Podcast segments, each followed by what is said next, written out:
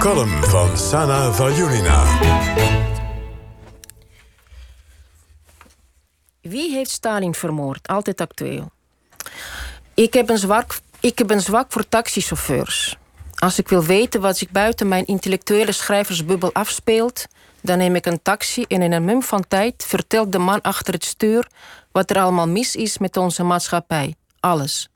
En wat er zoal moet gebeuren om de politieke, bestuurlijke, rechterlijke en overige maffia een toontje lager te laten zingen. Amsterdamse taxichauffeurs, de Vox Populi en de bron van de meest uiteenlopende kennis over mensenwereld. Ze kunnen me wat.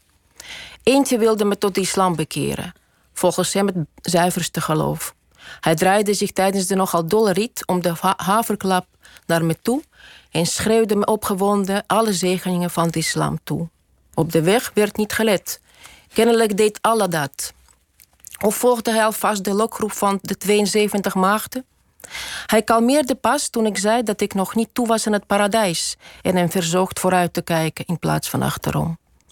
Een andere bleek een koffertje vol Italiaanse sjaals bij zich te hebben, die hij aan de vrouwelijke klanten aanbood om zijn schamele taxi-inkomsten aan te vullen, zei hij. Weer een andere vertelde me dat Nederlandse miljonairs de kleinste of helemaal geen fooi gaven.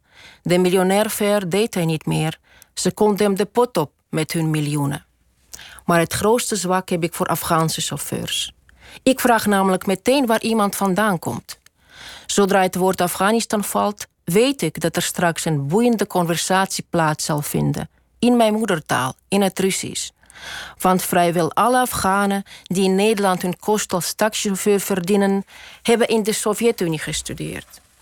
Toen de Russen door de Mujahedin uit Afghanistan waren geknikkerd en de burgeroorlog was uitgebroken, waren de pro-Russische Afghanen hun leven niet zeker en moesten ze vluchten, onder andere naar Nederland. Dan baden we even in de warme golven van het mooiste gevoel, de nostalgie, en nemen we afscheid als de beste vrienden. Maar door wie is Stalin vermoord? Daarvoor moet je in Rusland wezen, bij de Russische taxichauffeurs. Of Russisch. Het gros van de taxichauffeurs komt tegenwoordig uit de Caucasus of uit Midden-Azië. In Moskou verdienen ze hun geld dat ze naar hun familie sturen. Ook zij zijn niet op hun mondje gevallen, al zijn ze volgens mijn zuster de laatste tijd wat stiller geworden. Waarom? Door het gebruik van de navigatie, maar ook omdat Voldemort, oftewel heer van het duister, oftewel je weet wel, met zijn agenten de langste arm van Rusland heeft. Willekeur is een beproefd depressiemiddel in het huidige Rusland. Voor het delen van een kritisch bericht op social media bijvoorbeeld kun je voor een paar jaar in de gevangenis belanden. Het wemelt bovendien van provocateurs op het net en, het, in, en in het openbare leven. Dus ook de chauffeurs kijken uit. Maar ja, de Russische afstanden ook. In drie uur vlieg je van Amsterdam naar Moskou. En het kost minstens evenveel tijd om in de spits van het vliegveld naar het huis van mijn zuster te geraken. En dan stromen de woorden vanzelf. De laatste keer, twee weken terug, stapten we in een taxi bij een bebaarde chauffeur. Nee, de winters zijn niet meer wat ze waren, verzuchtte mijn zuster. Waarop de chauffeur riposteerde dat de zon, sneeuw en overige elementen gaven gods waren. En dat de mensen het zo bond hadden gemaakt dat ze nu gestraft werden. Ik bereid me alvast voor op een drie uur durende tirade of op een poging ons tot een geloof te bekeren. Vermoedelijk tot islam, gezien de baard van de chauffeur.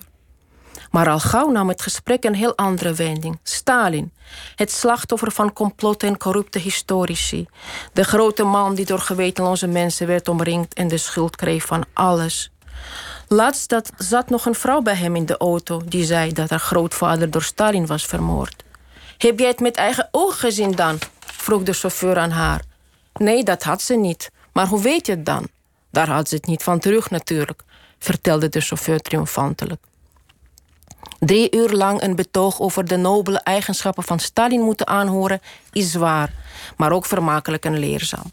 Want je ziet midden in de geschiedenis, die borrelt en bobbelt en krachtig om ons heen vloeit.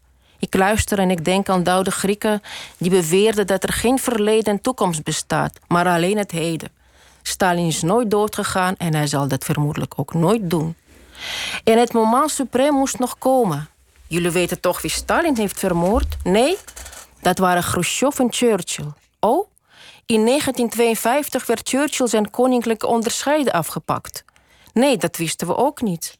En in 1954 heeft hij hem weer teruggekregen. Zo. En waarom? Omdat hij samen met Khrushchev Stalin had vergiftigd. Daarom. Ik wilde nog vragen hoe het dan zat met de Koude Oorlog, maar toen kwamen we aan op de plaats van bestemming waar we verbijsterd uitstapten.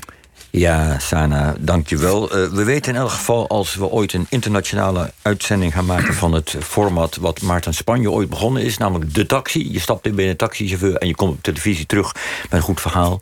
Dan weten we wie we daarvoor moeten vragen om dat te doen. Dankjewel.